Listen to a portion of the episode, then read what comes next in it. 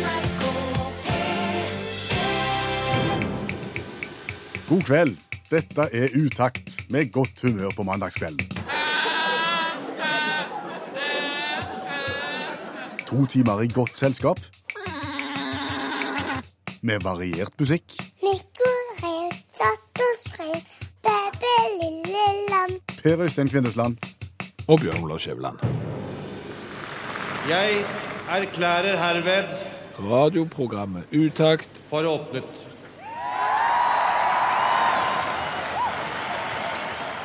Og så er det en litt spesiell kveld i kveld, Skjæveland. Dette er altså da siste utakt i kveldsversjon. For fra og med neste mandag så blir det utakt i formiddagsversjon hver dag hele uka. Ja, det blir det, men formålsparagrafen skal jo være den samme. Utakt skal fremdeles være et radioprogram som skal prøve å skape godt humør og, og være godt selskap. Vi skal bare være godt selskap på et litt annet tidspunkt enn det vi har pleid å være godt selskap på. Men det er jo de som spør seg, vil de få like mye utakt igjen for lisenspengene nå når sendetida endres?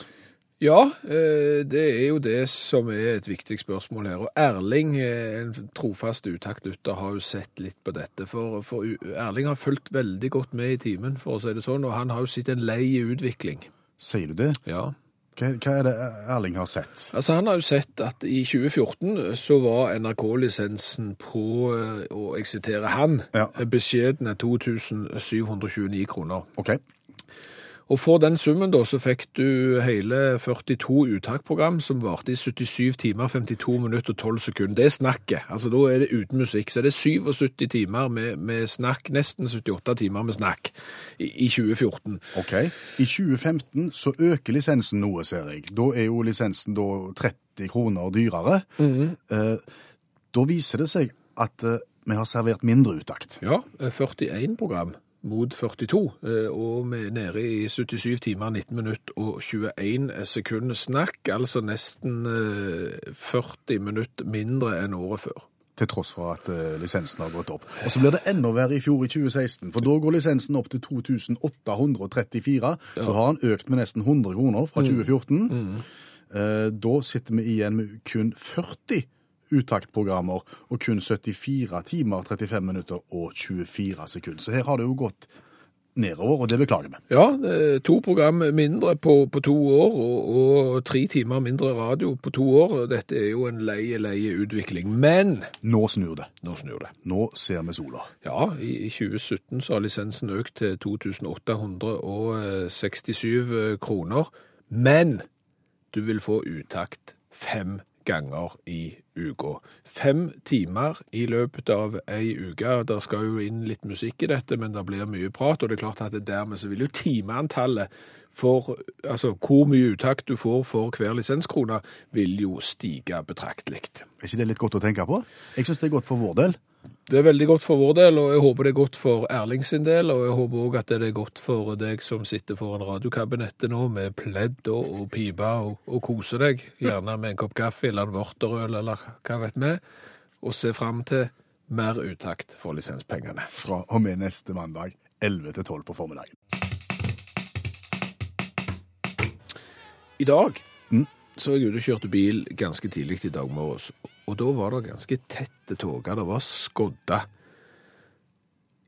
Og så begynte jeg bare å fabulere at skyer og, og skodda, for jeg, jeg har eh, studert bitte litt meteorologi, en liten, så, jeg kan navnet på noen skyer og sånn, sånn cumulonimbus og stratus cumulus og, og, og den slags.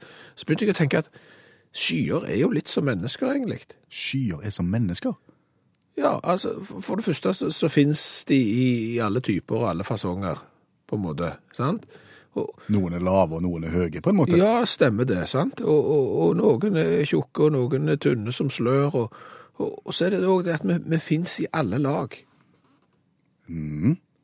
Sånn at du har på en måte toga som jeg kjørte gjennom. sant? Det er jo skyer som er i kontakt med bakken. Da, da er du toga. Da er du på en måte på det laveste nivået du kan være, sant? Og, og det finnes det også mennesker som er, sant? Som befinner seg på en måte i toga, og, og i overført betydning, sant? Og så er det gjerne mer stas å være på toppen, sant? Det er liksom et hierarki. Er det et hierarki blant skyer også? Er det sånn at hvis du er toga, så er du litt misunnelig, eksempel på han Stratus Cumulus, som, som sitter der oppe og soler seg i, i glansen av eh, blå himmel og, og en liten mistralvind. eh, Men jeg tenker jo at tåka er jo gjerne nærmere eh, bakken. Ja, Og jeg vil jo tenke at, at tåka kanskje har mer bakkekontakt og, og ja, altså følelse av levd liv. Jo, Mer enn de høyt der oppe. jo, jo bare- men, men det reflekterer jo menneskene òg. Altså, du har på en måte fotfolket, sant? og fotfolket vil jo være skeptiske til de som sitter på toppen, for de aner jo ikke hva fotfolket driver på med. Sant? De er jo ikke i kontakt med virkeligheten. Det er akkurat som og kont- Jeg er bombesikker på at når togeskyer samles, f.eks. og tar seg en dram, eller jeg vet ikke hva de Tåkeprat. Ja, det er vel det de tar en liten, og så driver de med togeprat. Og så diskuterer de gjerne det at, at de der på toppen der oppe, som bare stri- de har ikke greie på hva De har, aner ikke hva de holder på med. sant? De burde vært her nede og sett hvordan vi skyer kan f.eks. lage toga på, på høylys dag. Altså, bare eksempelvis. Det har jo kommet nye skyer. også Ja, og, og det det er derfor jeg ytterligere syns at skyer ligner på mennesker. Fordi at du har hatt, jeg husker er det 27 forskjellige typer skyer eller sånn, og plutselig så finner de ut at det, vi trenger noen nye. Det kommer nye skyer som har nye navn, og, og, og nå, det, det har ikke skjedd på lange, lange tid at det har oppstått nye skyer, men nå har de voksne bestemt seg. Vi, vi skal døpe og, og oppkalle noen nye skyer. Og det er jo litt som, som oss mennesker òg. Vi har på en måte vært han og hun. Men i det siste så er det folk som ikke er komfortable med å havne inn i rammen av han eller hun, og vi har begynt å finne nye begreper på nye folk for at de skal føle seg vel, og at de skal føle seg inkludert. Akkurat som skyer. Ser du hvor flott det er? Jeg, jeg ser du er engasjert. Ja. Jeg er ikke sikker på at alle følger deg, men, men det er interessante perspektiver. Det vil jeg si. Ja, det- Det jeg har tenkt, og, og dette tror jeg kunne blitt sterkt, for det, det der er nesten noe religiøst over dette her, sa du. Så det, Ja, men altså, jeg- det som jeg har observert nå, det, det kunne vært ei fantastisk preken. Tåkeprat i preken. Ikke ta... Ja, nå, nå. nå, nå tuller du det vekk, altså. Det er bare, bare få noe orgel her. Ja, så vi har noe klang. Hei, hei, der er vi. Kjære menighet. På vei til kirken i dag kjørte jeg gjennom tett, tett tåke. Og det fikk meg til å tenke på vi mennesker er jo som tåke, og som skyer. Vi finnes i alle lag og i alle fasonger. Noen befinner seg på bakken og har god kontakt med den, ja, men noen derimot finnes helt opp på toppen og har kanskje mistet bakkekontakten, men alle er vi skyer. Bare Ble det litt mye nå? Dette er Utakt i NRK P1, som er heldige. For vi får hjelp av allmennlærer med to vekttall i musikk, Olav Hove. Han har hjulpet oss gjennom samtlige Utakt-programmer i historien. Og ikke nok med at han er allmennlærer. Han er òg eh, forfatter, eh, og har nettopp vært i Oslo i anledning sitt forfatterskap. Det høres jo mer spennende ut enn det du skriver lærebøker, da. Ja, ja ikke si det. Ta, ta vekk det med lærebøker. Ok, du, du var i Oslo i forbindelse med ditt forfatterskap, Ja. og du kom på en måte i nærkontakt med en annen veldig populær forfatter. Ja, fikk eh, overlevert ei bok av en veldig populær forfatter. Og, og han, det var ikke, fikk han jo ikke av forfatteren, jeg fikk han av en annen en, men han sa eh, boka er signert. Og, eh, så da må jeg jo se på signaturen, da. Så jeg fant liksom ikke den. Men så, så på ei side der så var det litt sånn skriblerier som så ut som sånn som toåring gjør når du får en penn. Det ligner det på. Så jeg måtte spørre han som har gitt meg den, så sa jeg er det dette som er signaturen? Ja, sa han og lo. Det, vi kan si mye om den, sa han. Men, men hva heter boka? Den heter Tørst, denne boka. da. Er den uh, tilfeldigvis kanskje Norges mest leste bok akkurat nå? Det kan godt være. det kan godt være. Jeg vet vel jeg, jeg er så opptatt med mitt eget forfatterskap. Men, men, men... snakker Jo Nesbø. Ja. Du har fått ei signert bok av Jo Nesbø, men Ja. Jo Nesbø var ikke der sjøl. Nei. Og jeg har sett den signaturen, og det er Ja. som du sier, det ser ut som noen har prøvd å tegne to fjell uten å ha en sjansen. Det er Ja. bare, det, det er en krusedull. Ja, så jeg tenkte litt på det. Kanskje det sier noe om denne her litt pussige signaturen. Så jeg har brukt helga til å fordype meg i grafologi for, for å finne ut litt. Hva gjør grafologen? Jo, grafologi er jo studiet av håndskrift og dens forbindelse med bevisst, bevisstheten og psykologiske trekk hos den skrivende. Akkurat. Det, vi, det tanken er, det er litt sånn pseudovitenskapelig der. De har ikke fått så mye anerkjennelse, men det finnes mange av dem. Det finnes mange skoler, mye brevkurs, kan jeg si. Men i alle fall, eh, det, det er slik at når de skriver, da, gutta, så, så på en måte blottlegger de sjelen. de, de analogt printer ut eh, egenskapene deres, så kan da en dyktig grafolog eh, kan da eh, studere dette her og finne ut hvilke personlighetstrekk du har. Det er ganske spennende. Og nå har jeg sittet litt på det jeg leser meg opp på det i helga, og jeg føler meg egentlig på grensa til å være grafolog. Eksempel har du høye T-er, F-er, L-er, så er du ofte intellektuell og slike ting. da. Så Jeg har veldig høye F-er. Mine F-er er enda høyere enn hans F-er. Mine er så høye at de er helt på grensen til hvor høye det går an å bli, faktisk. Ja, ja nei, men det kan jeg se. Det kan jeg se. Men, men bare for å vise at det her ikke er tull, da, så er det jo, det er jo en som har signert mye i det siste. Donald Trump. Har, har de sett eh, signaturen til Donald Trump? Nei. Du vet når du tar sånn løgndetektortest, sant? Ja. Så stiller du spørsmål, og så er det sånn nål som, Ja. som skriver av. Ja. Og Hvis du lyver mye, så får du voldsomme sånn opp og opp og ned, opp og ned. Slik er den. Akkurat slik er Donald Trump sin eh, signatur. Så den har fått litt oppmerksomhet. da. Og nå i forbindelse med innsettelsen som president, og i forbindelse med National Handwriting Day den 23. januar, ja, det er noe som heter det, så hadde The Telegraph et intervju med Tracy Trussell, ledende grafolog ved Britisk grafologisk institutt. Og, og hun hadde sett på håndskriftet til Donald Trump og fått beskjed om hva kan du si om personen Donald Trump med å tolke håndskriftet. Og hjelper det meg. Hun kunne si at dette var en mann med ville ambisjoner. Det så hun på fornavnet. Han var fryktløs, han maktsjuk, målretta og sta. Eh, Etternavnet, Måten han begynner etternavnet på, tyder at han kanskje er en dårlig lytter, men at han er en tøff forhandler. Eh, Men, samla, men, men poenget er at han har samla både fornavn og etternavn som ikke viser at han er beskyttende, spesielt over familien sin, og at han er grei med familien sin, men stort sett ellers er han uforskamma og direkte. Og det er jo ganske imponerende, vil jeg si, at kun av håndskriftet så har du klart å tolke det her. Jo, men det er jo et spørsmål om hun da vet hvem sin håndskrift er. For hvis det står Donald Trump, så kan du liksom Å ja, da kan jeg jo bare fortelle hvem han er. Det er jo akkurat som liksom, hvis du skulle ta Ja. Adolf Hitler, så er det jo en del sånn Ja, den der høye A-en der betyr jo at du har en lei hang til å, å fengsle alle dine motstandere og sende Ja. dem i leir. og fikk vite at det var Donald Trump, men det er ikke viktig, da. Og nå har jo jeg sett litt på det òg, jeg mener at D-en i Donald viser at han har en hang for lange, røde slips og hentesveis. Så det, jeg kjenner jo sjøl at jeg på en måte har Ja, jeg er blitt utdanna nå, og da kan en jo begynne å konkludere med Jo Nesbø. Ja, det var det jeg tenkte. Kan, Ja. du, kan du nå se nærmere på den signaturen som står i den boka som du fikk, og, Ja. og, og så vet du litt mer Ja, om Jo jeg tror han liker hopp. Jeg, Kan jeg tro. Han drev med popmusikk. Virker det sånn? Eh, kanskje med en slektning? Bror sin, kanskje? Jeg veit ikke, jeg. Eh, men virker sånn i løpet av fornavnet har slutta med popmusikk og begynt å skrive krim. Kan- Kan han ha røtter i Molde? Er det, er det noe Det er ikke Det er godt poeng. Godt poeng. Jeg tror du er et talent innenfor grafologi. Tusen takk skal du ha, allmennlærer med to hektar i musikk, og forfatter Olav Hove. Dette er Utakt i NRK P1, som altså da presenterer den aller siste kveldsvarianten av programmet. I mange, mange år har vi sendt på denne tida mandagskveldene, men fra neste mandag av så blir det på dagtid hver eneste dag mellom 11 og 12. Ja, men frykt ikke. Det kommer ikke til å bli så veldig eh, forskjellig. Så hvis du setter pris på dette programmet, så kommer du til å kjenne det igjen når det begynner 11 til 12 òg. Vi holder på humøret og gjør så godt vi kan. Kanskje blir vi enda blidere fordi at vi har, har stått opp til rett tid og, og fått sove nok og alt det der greiene der. Men den vignetten som du har hørt de siste fem årene, den forsvinner med kveldsprogrammet. Eh, Og det er jo en vignett som har ulike bestanddeler. Skal vi rett og slett høre den en gang til før vi snakker mer om den? Ja. Og Hør etter nå, bare så noter deg ned hva du hører her.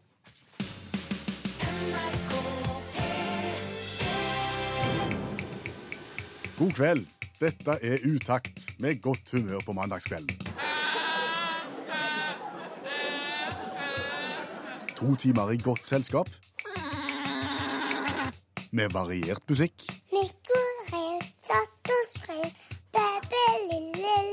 Per Øystein Kvindesland. Og Bjørn Olav Skjæveland.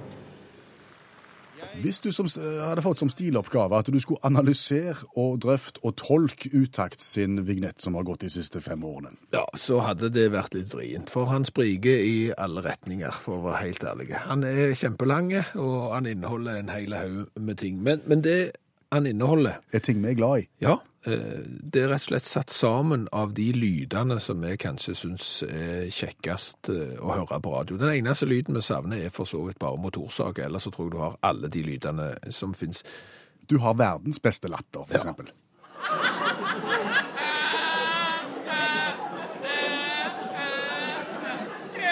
Ja, det, det, det, blir ikke bedre enn det. Nei, og den er, den er ekte. Den er ekte, og, og den blir ikke bedre enn det. Den latteren ble fanget opp eh, på en revy vi hadde for noen år siden, og han som satt ved siden av dette fantastiske mennesket med den fantastiske latteren, han fikk tatt opp denne lyden, og vi har fått lov å bruke den, og bedre latter enn det finnes ikke. Ser ikke vekk fra at latteren kommer til å bli med inn i formiddagsprogrammet òg. Og så er det lyd nummer to. Den ble fanga opp på en bondegård i Tysvær i Rogaland, så vidt jeg husker.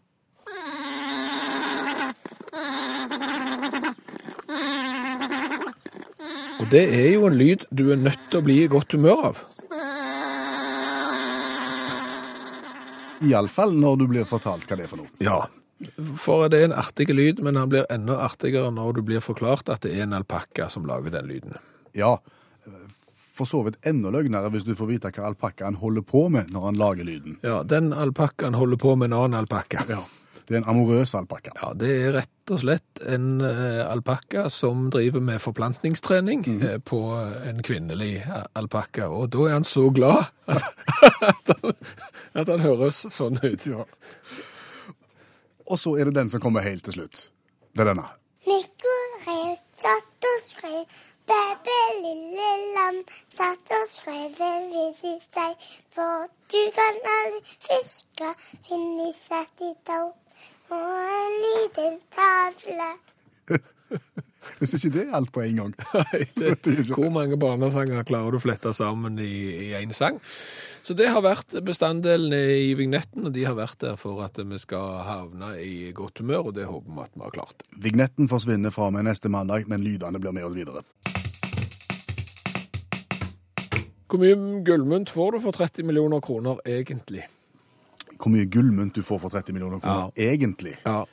Eh, Jeg er ikke så sterk på, på gull, Nei, så jeg vet egentlig ikke. Nei, du kan få en eh, gullmynt på eh, 53 cm i diameter og ca. 3 cm tjukke, og med en nette vekt av 100 kilo. Da har du en gullmynt som er verdt over 30 millioner kroner. Hvor tunge var den, sa du? 100 kilo. Og det som er greia, er at denne mynten eh, det finnes i fem-seks eksemplarer, eh, men ett av eksemplarene har fram til nylig, eh, fram til i dag, eh, vært utstilt eh, på et museum i Tyskland. Men nå står han ikke der lenger. Oi. Tjuvradd Den ble stjålen. i natt. Big Maple Leaf kalles denne kanadiske mynten. Den har, det er av liksom lønnedekorasjonen på den, og så har han i tillegg da dronning Elisabeth. Det er litt sært at hun skal være dronning over de i Canada òg, men det skal vi ikke gå inn på nå. Eh, Og den ble da eh, stjålet. Og husker du hvor tung jeg sa han var? 100 kilo. 100 kilo, ja. Tysk politi har ikke ønska å kommentere omstendighetene bak tyveriet, Nei. men området rundt museumsbygningen ble stengt for trafikk da ranet ble oppdaga, og en stige som trolig ble brukt i forbindelse med ranet, ble funnet i området. En stige? Ja, det tenkte jeg. Hva i all verden er det for noe? Har du prøvd å gå i stige med en to toms fire på, på noen få kilo på skulderen? Er Jeg har prøvd 10 liter Drygolin. Det er blytungt. Ja, det er det. Ja. Jeg, det tror det tyngste jeg har båret i stige, er en sekk med sement. Ja. Og da er du vel gjerne på 18 kilo. Jeg husker ikke, det er iallfall ikke tungt. 100 kilo mynt! Men hvor stor var du? Altså, sa han var Altså, han er 53 cm i diameter, og han er 3 cm tjukk. Ja, han er bare en halvmeter, altså. Du klarer, men, men du klarer jo ikke å få en 100 kilo under armen. Nei, du gjør ikke det. Du gjør ikke det. Nei. Du kan ikke gå ned. Vent, nå skal vi se. Nå tar vi den sånn, ja, og så går vi ned. Og så har du det litt travelt når du har fjollet. Så hvor Ja, det er mulig Det dette vet vi jo ikke. Og, og tysk politi, som sagt, vil ikke si stort mer om omstendighetene rundt. Men, men for å si sånn, hvis de har klart å bære 100 kilo gullmynt i ei hånd mens de bakser seg opp og ned en stige, det, det er intet mindre enn imponerende. Nei, det er veldig bra. Det, det minner meg litt om de der historiene vi hører i radioen fra tid til annen, om folk som stjeler fjernsynsapparater fra hotellrom. Det syns jeg er godt gjort. Jeg tenker du på de nye eller de gamle fjernsynsapparatene? Ja, begge deler, egentlig. Du, jo, altså, du, skal, du skal ned i en resepsjon Ja. med, med et fjernsynsapparat under, under armen. Jeg vet hva du sikter til, for det er ikke så lenge siden det nettopp var en sak om det, og de ble jo, de ble, for å si sånn, de ble stoppa. De ble stoppet. For det ser noe dumt ut når du går gjennom resepsjonen med en 32 tommers flatskjerm under armen, som, som tilsynelatende er veldig lik de som henger på veggen ja. på hotellrommet. Ja. Fordelen er jo at ingen vil stjele TV-en din. Ingen som vil stjele TV-en min. Eller bort. Jo, jeg vet noen som vil stjele TV-en min. Hæ? Det er kunsttyvene i Tyskland. Ja, de, For de, de er vant med tunge ting. ja, for den TV-en din, den veier 63 kilo og Yes. er dypere enn den er brede. Han er widescreen på tvers, på en måte. Vet du hva? Nei?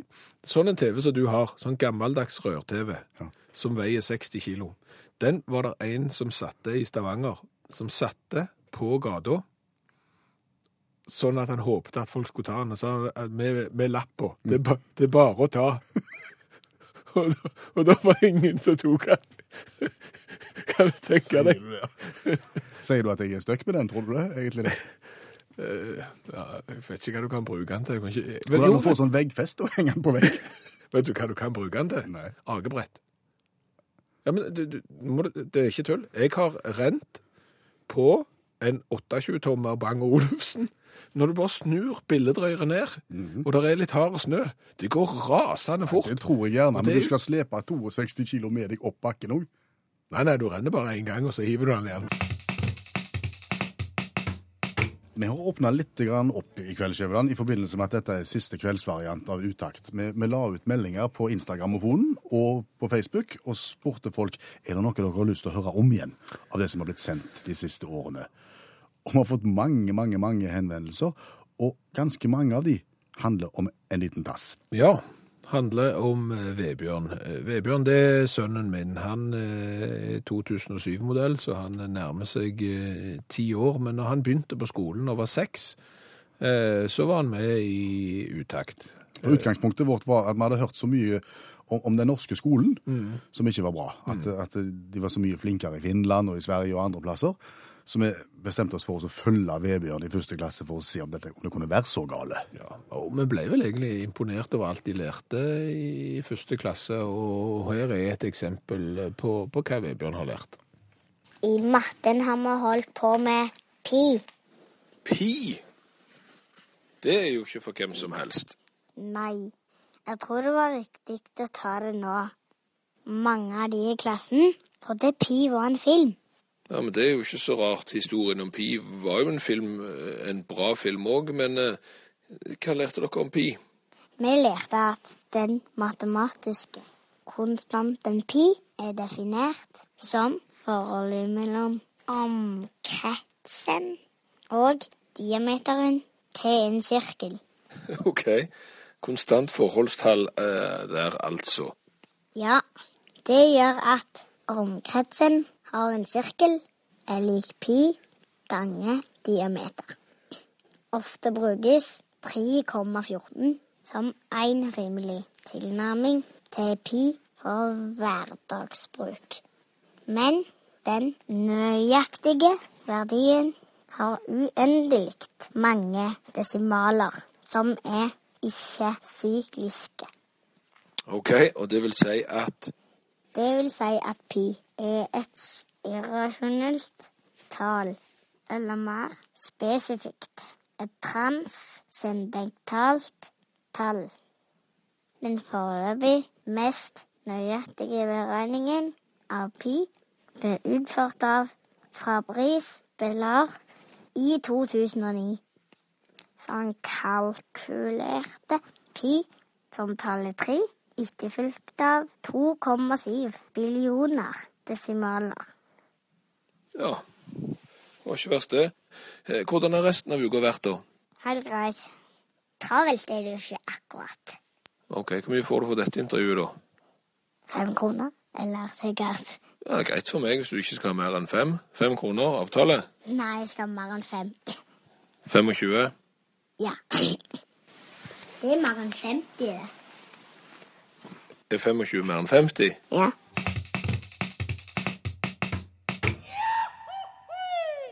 Hei, Nidas. Hallo. Der var vi på plass. Eh, da tror jeg vi skal rett og slett presentere reglementet kvikt for konkurransen før vi går i gang. Ja, det er rett og slett sånn at jeg har en hel bunke med spørrebøker foran meg. Nilas han velger en av de, og så finner vi et vilkårlig spørsmål i spørreboka. Svarer Nilas rett, så skal han få gladjodling. Svarer han feil, så blir det tristjodling. Jadlalau, hei. Men det betyr ingenting, for det du kan gå i Karasjok og brife med ei svarte T-skjorte med V-hals, så det står utakt på. Er du klar? Jeg er klar. Flott. Da dunker vi spørrebøker i bordet, og så sier bare du stopp når du har lyst. Ja. Stopp. Stopp. Det var den. Og da endte vi på Da endte vi på barnas egen spørrebok nummer ni, som er et lite gammelt eh, praktverk fra 1965. Der er det 48 sider. Er det noen sider som frister? Um, 22. 22. Da er vi inne på kategorien eh, kjente navn. Og der er det 25 spørsmål om kjente navn. kjente navn i 1965. Ja. Kan du Hvor, hvor gammel var, var du født, Nilas? Uh, nei, jeg er født i 1987. Ja, der ser du. Det er jo Ja. Dette kan bli tøft, men vi prøver. Ja. Hva spørsmål skal vi ta? Uh, nummer ett. Nummer én. Hvem er Martin Luther King? Uh, Martin Luther King. Det er en prest. Ja, det stemmer.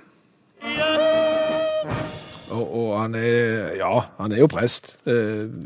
Kjent for kanskje mer enn bare å være prest òg. Ja, kanskje en, mest en uh, forkjemper for rettigheter. Stemmer det. Og vinner av Nobels fredspris. Og jeg ser at denne boka er gammel, for eh, den omtaler da Martin Luther King og hans hudfarge på en litt annen måte enn det vi gjør i 2017. Ja. Så det lar vi ligge. Men det er 1-0, det, Elias. En god start. Vi går videre til bok nummer to. Du sier stopp. Stopp. Stopp. Det ble den nye, gamle, som jeg har fått i dag. Ja. Bokklubben spørrebok fra 1984. Ok, Da begynner vi å nærme oss fødselsåret til Nila. som ikke Ja, annet. mangler bare tre Ja. år. Eh, 177 sider. Hvilken skal vi ta da? Side 12. Da er vi fra Jeg lurer på om dette er litteratur. Alt i sammen. Nei, arkitektur er dette. Arkitektur. Spør- Arkitektur, ja. Eh, 15 spørsmål om arkitektur. Um, dette er nummer 14. Nummer 14. Hva kalles stilarten som Oskar eh, den førstes lystslott, Oscarshall på Bygdøy, er bygget i? Au, au, au. Um, eh, Kan vi hjelpe deg her? Jeg vet ikke hva jeg skal funkis. Funk, funkis er foreslått. Ja. Au. Ja, men Det er jo et veldig interessant eh, innspill der, Nilas. For det, at det, ble jo bygd veldig lite slott nå. Og, og det er klart, skulle du bygd deg et slott nå, så kunne du gjerne hatt et funkis-slott. Altså uten listverk rundt vinduet og ingen lister i taket. og... Ja. Bare sånn gammelt mirakel, vet du. Men hva er svaret? Ny gotikk. Ny gotikk. Ja. Det ble bygga i 1847 og til 1852. De brukte syv år på det. Vi noterer ny gotikk. Ja. Og går løs på siste bok. Si stopp. Stopp. Stopp. Det ble Min første spørrebok det er den som er mynta på små barn. Og Der er det store bokstaver, få spørsmål og få sider. Der er 30 sider. Side 28. Det er veldig sånn, Det dumme med å si at dette er en spørrebok som er mynta på barn, er jo at liksom forventningspresset blir jo skyhøyt. Du kan jo liksom ikke bomme. Men det er da fem spørsmål her. Ja, nummer tre, da. Hva blir fire ganger fire? au. Det blir 16. Du kunne vært uheldig og fått spørsmål nummer én, for det var blir fire pluss fire? Og det, det er jo noe helt annet. Ja. Nei, men det gikk jo bra, det. Da er Nilas Henry Nystad fra Karasjok den eh, siste vinneren i denne type konkurranse. Så får vi begynne med verdens vanskeligste spørrebok når vi begynner å sende uttakt fra 11 til 12 hver dag. Ha en god kveld, Ness. Utakt sin coladugnad fortsetter, og vi har uh, lagt oss ut med Cherryfolket. Ja, vi testa da uh, Cherrycola forrige mandag. Uh, terningkast null. Mm. Smak, det, det, Hvem er det som har kommet på at vi skal ha cola, og så skal vi tilsette kirsebærsmak? Eh, særdeles dårlig idé. Og der er det to leirer, og de to leirene står krast imot hverandre. Det er de som ikke liker sherrycola sånn som vi gjør, og så sier sherrycolaen får nå endelig som fortjent. Og så har du de fantastene, de som liker sherrycola, som er oppriktig sure på utakt, som driver og rakker ned på sherrycola.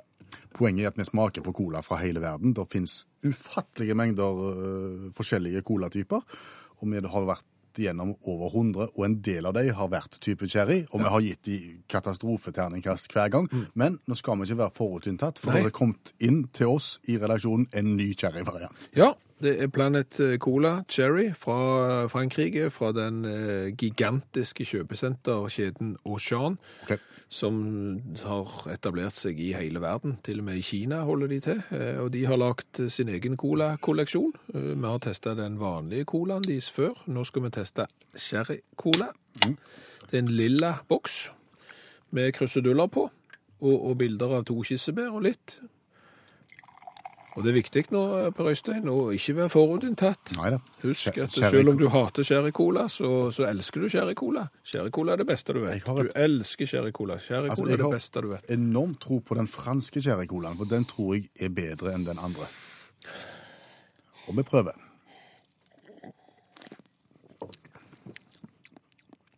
Og det er han jo.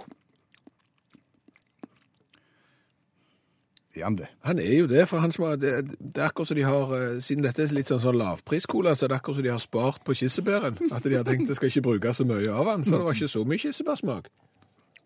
Det er mer enn nok til at det skjemner ut, iallfall. Det er og blir en dårlig idé med kirsebær i cola. Punktum. Jeg gir terningkast null igjen. Terningkast null igjen. Ja. Det, det, det, det, jeg, det, det jeg, kan, jeg skulle nesten gjort det av prinsipp, men Du er villig til å gi litt? Nei, men altså, det, I og med at det er såpass mye mindre sherry i den sherrycolaen enn i andre sherrycolaer, så, så det, det er et pluss, og det skal de ha honnør for. To. To. OK, i smak. Design lilla boks. Lilla og burgunder er jo farger som kun passer på brystningspanel, og, og bør ikke ha noen ting på en colaboks å gjøre. To der òg. Ja, altså det som jeg tenker de, de, de gir meg et klart varsel om hva, hva, hva jeg har i vente. Ja. Så de forsøker ikke å lure i meg dette her. Nei. Og det, skal, det mener jeg de skal de ha honnør for. Ja. Jeg vil gi tre. Du gjør tre. Ja. Da er de oppe i den finfine poengsummen av syv. Ja. Det er jo helt nedi der. Og det som jeg kan fortelle nå til alle som syns at eh, denne coladugnaden er både gøy og viktig, vi satser på, så lenge folk sender forskjellige typer cola til oss, og fortsetter med det en dag i, i uka på mandagen òg. Og vi er nesten i mål. Nesten i mål med å lage et kart der alle colaene vi har eh, testa, ligger på de respektive stedene der de er kjøpt og, og produsert. Så det ligger liksom over hele Altså, verdenskartet. vi snakker et interaktivt kart her. Du kan klikke, gå inn på verdenskartet og klikke på flaska, se flaska og finne ut hvor han hører hjemme. Så skal du f.eks. til Kina og lurer på er det noen colaer som Utakt har testa fra Kina, så bare går du bort til kartet, finner Kina, så ser du nei, der var det ganske skrint, og den typen har de ikke. Så dette er jo et genialt verktøy for at coladugnaden skal fortsette. Dette skal være oppe og gå til vi starter med formiddagssendinger fra og med neste mandag.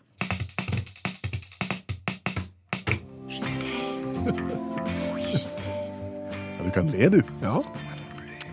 Dette var vignetten til ei spalte som vi presenterte i programmet for en del år siden.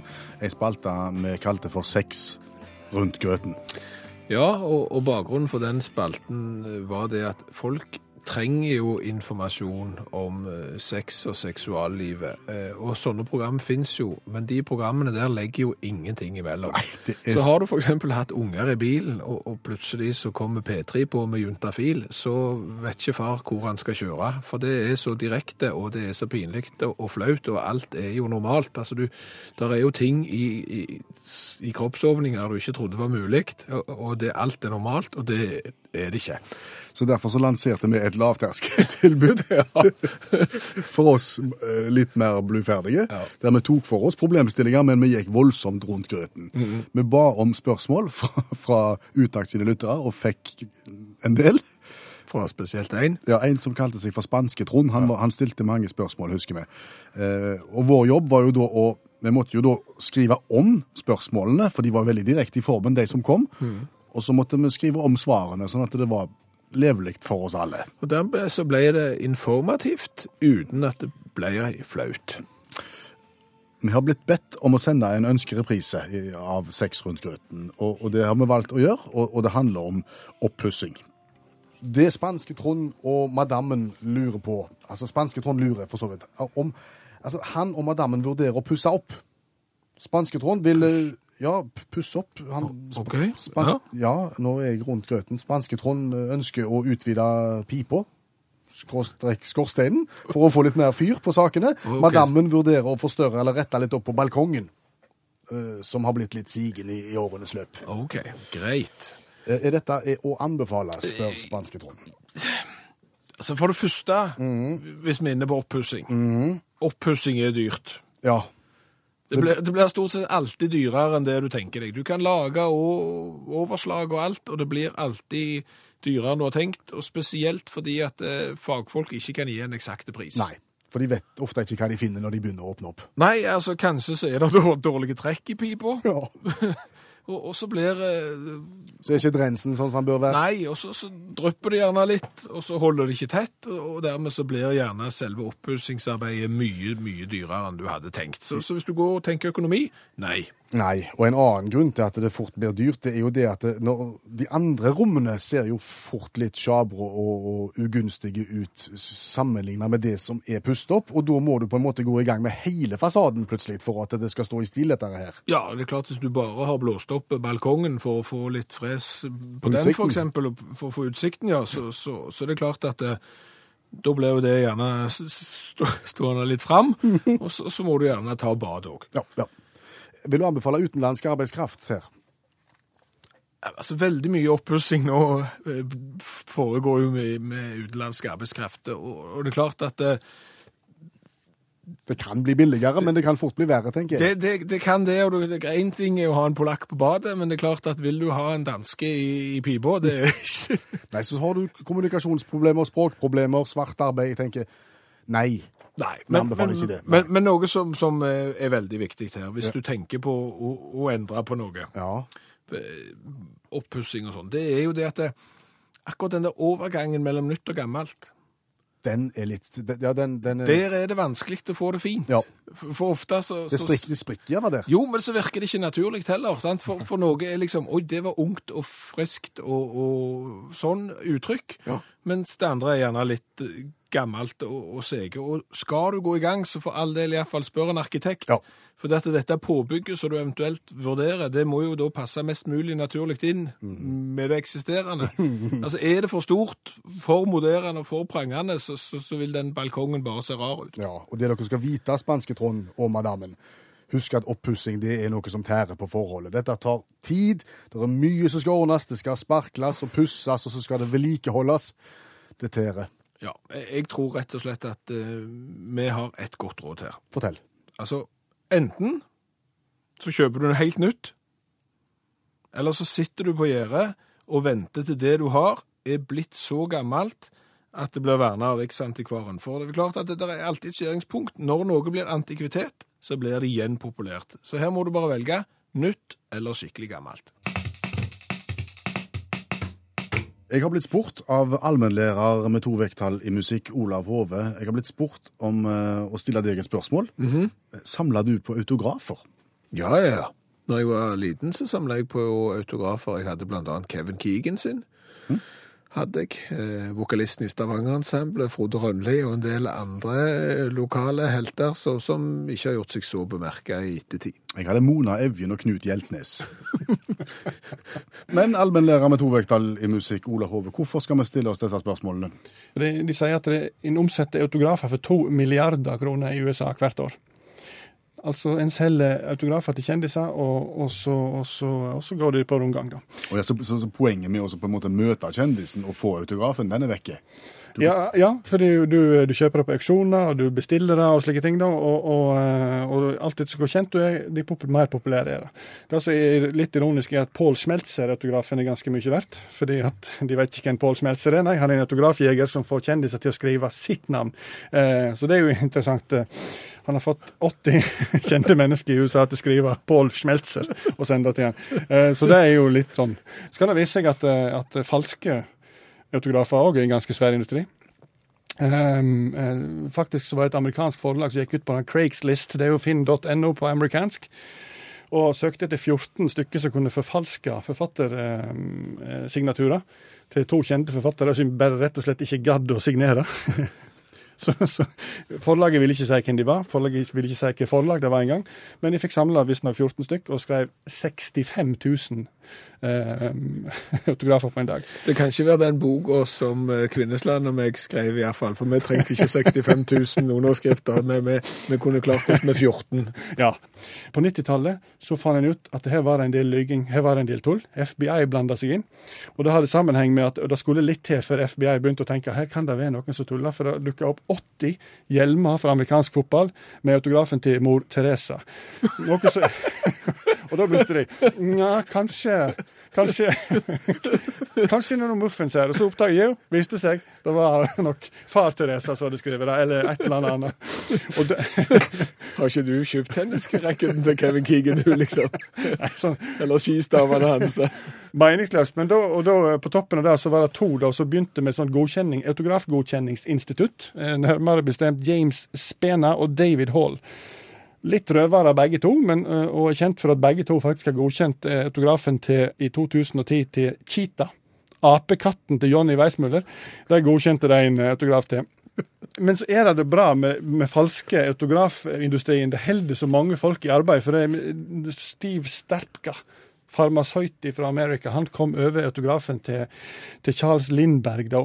Eh, ikke bare autografen, han kom over autografen og hårtust til, til Charles Lindberg, da, og kjøpte han for 10 000 dollar. Godt fornøyd med det.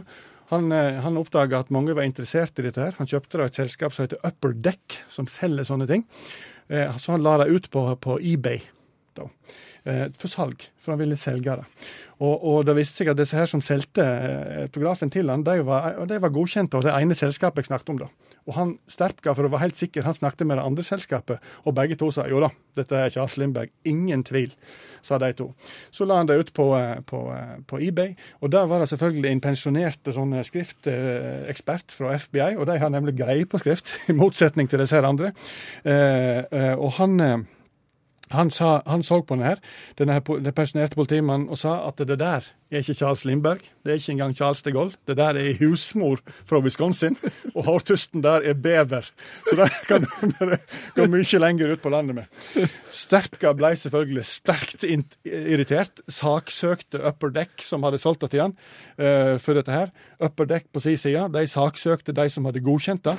Og de som hadde godkjent det på sin side, saksøkte de andre som hadde godkjent det. Og de andre som hadde godkjent det, saksøkte selvfølgelig de første som hadde godkjent det, fordi de trodde jo at siden de første hadde godkjent det, så det, var det jo bare en formalitet at de andre skulle godkjenne det. Og alle sammen prøvde på et tidspunkt å samle seg for å saksøke han dumme pensjonisten som hadde blanda seg opp i ting som han ikke hadde noe med. Eh, Men dermed så, da ble det ikke noe av. Men da hadde de fem søksmål gående fra 2013 til 2016. Han godeste farmasøyten han satt igjen med 60 000 i saksomkostninger når han hadde summert opp alle erstatningene han hadde fått. En falsk autograf og et lite stykke bever. Tusen takk skal du ha, allmennlærer med to vekttall i musikk, Olav Hove. Og du som hører på, hvis du blir tilbudt hårtuster fra Olav Hove sin hode, så skal du vite at de er veldig, veldig, veldig sjeldne.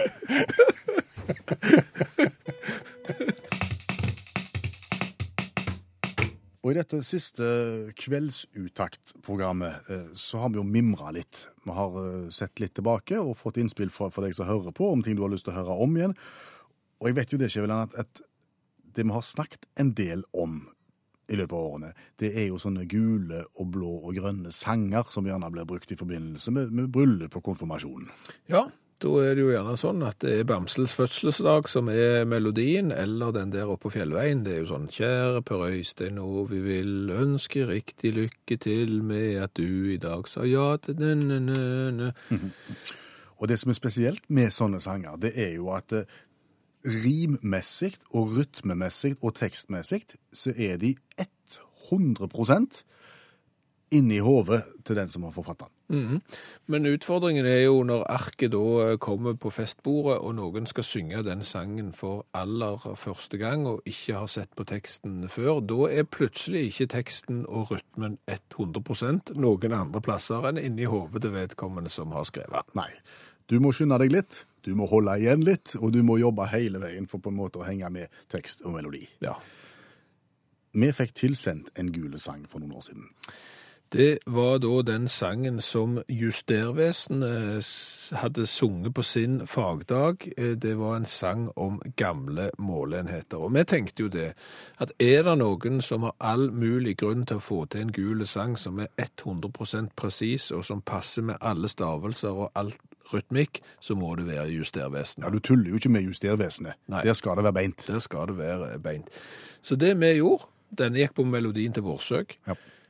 Vi satte oss ned og sang den på direkten uten å ha sett teksten før, akkurat som det ville vært hvis vi var på fagdagen eller var i et bryllup eh, eller et eller annet sånt, og tenkte dette kan jo ikke gå galt. Ved kjøp og salg så må man måle veie.